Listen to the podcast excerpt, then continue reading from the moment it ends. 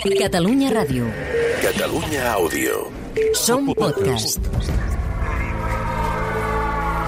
Пропоную Російській Федерації обміняти цього важко. Всі решта тіл, які ми зібрали В по каждом, місту, почти в каждом дворе есть захороненные м, Yes, I called it genocide because it's become clearer and clearer. La guerra al dia. Amb Albert Mercader.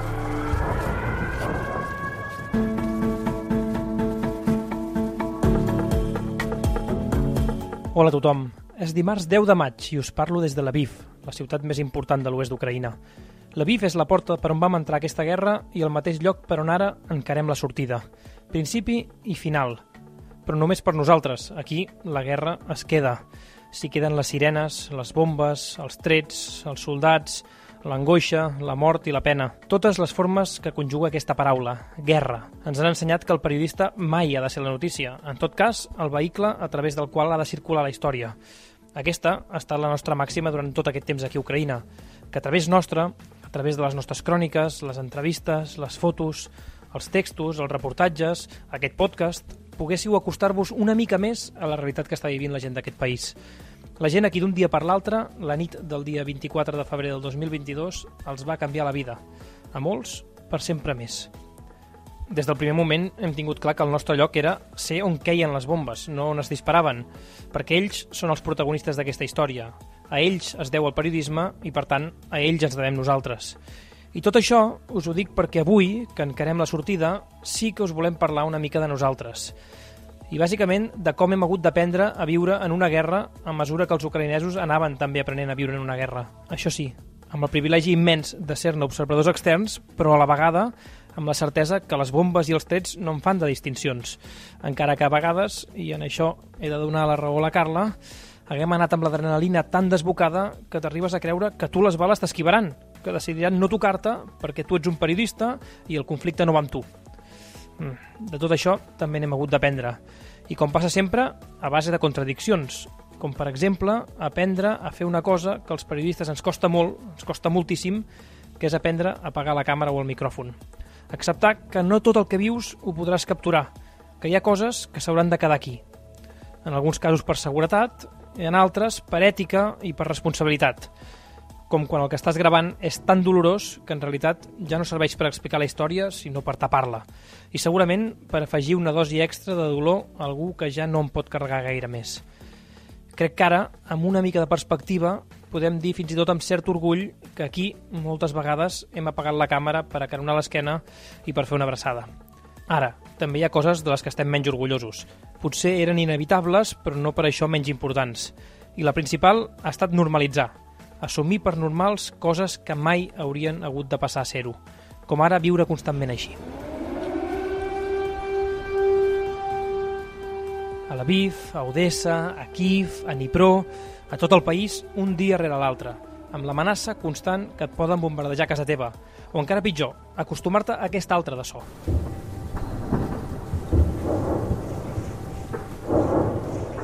Quan tot plegat ja no és només l'amenaça, sinó que les bombes realment estan caient al teu voltant. I que el primer dia et regiri l'estómac i no puguis ni dormir dels nervis, però que l'endemà ja et sembli una cosa normal, quotidiana, que normalitzis també els carrers militaritzats, els soldats, les armes, els refugis i els refugiats, les barricades, les restriccions, els tocs de queda, les cases destruïdes, el patiment, l'angoixa, el dolor o la mort que t'acostumis a viure així. Vaja, que et facin acostumar-te a viure així. Aquesta, de fet, és la nova vida dels ucraïnesos, els llocs on encara hi ha vida, clar. A altres, la banda sonora simplement era aquest silenci.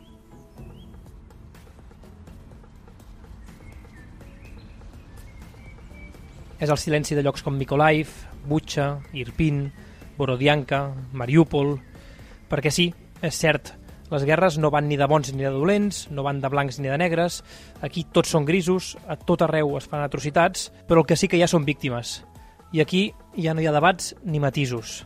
No hi ha ni un sol ucraïnès a qui aquesta guerra no li hagi canviat per sempre més la vida.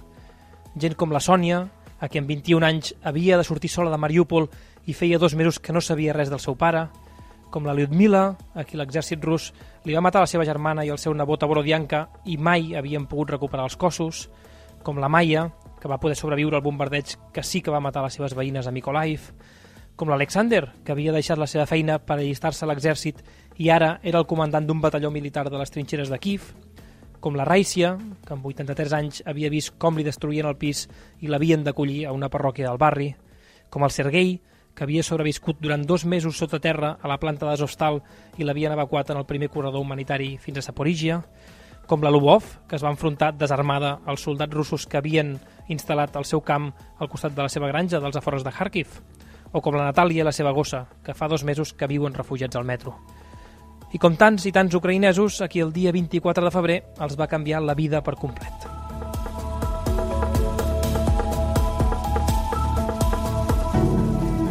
I avui, que tornem a ser la BIF, ens heu de permetre acabar amb dos homenatges. El primer, a la Natasha. La Natasha era la mare de la Irene, la nostra fixera aquí, i va morir d'un atac de cor mentre ella treballava amb nosaltres. La Natasha és una altra de les víctimes invisibles d'aquesta guerra. I el segon homenatge a la gent d'aquest país, que ens ha ajudat, ha cuidat, valorat, protegit. Ho ha fet amb nosaltres i, per sobre de tot, ho ha fet entre ells.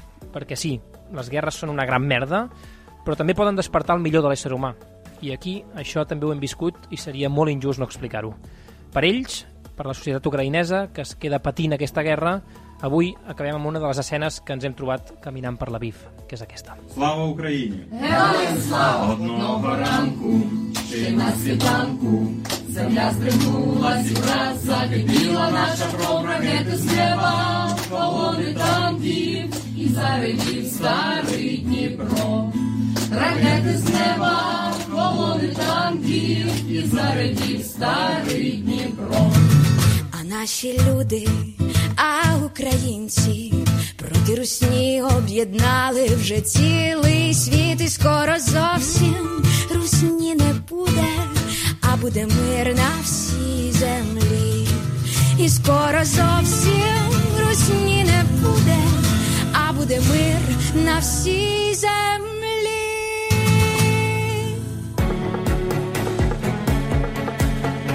Guerra al Dia és un podcast dels enviats especials de Catalunya Ràdio a la Guerra d'Ucraïna. Josep Plazas, Carla Verdés i Albert Mercader. Catalunya Ràdio. Catalunya Àudio. Som podcast. podcast.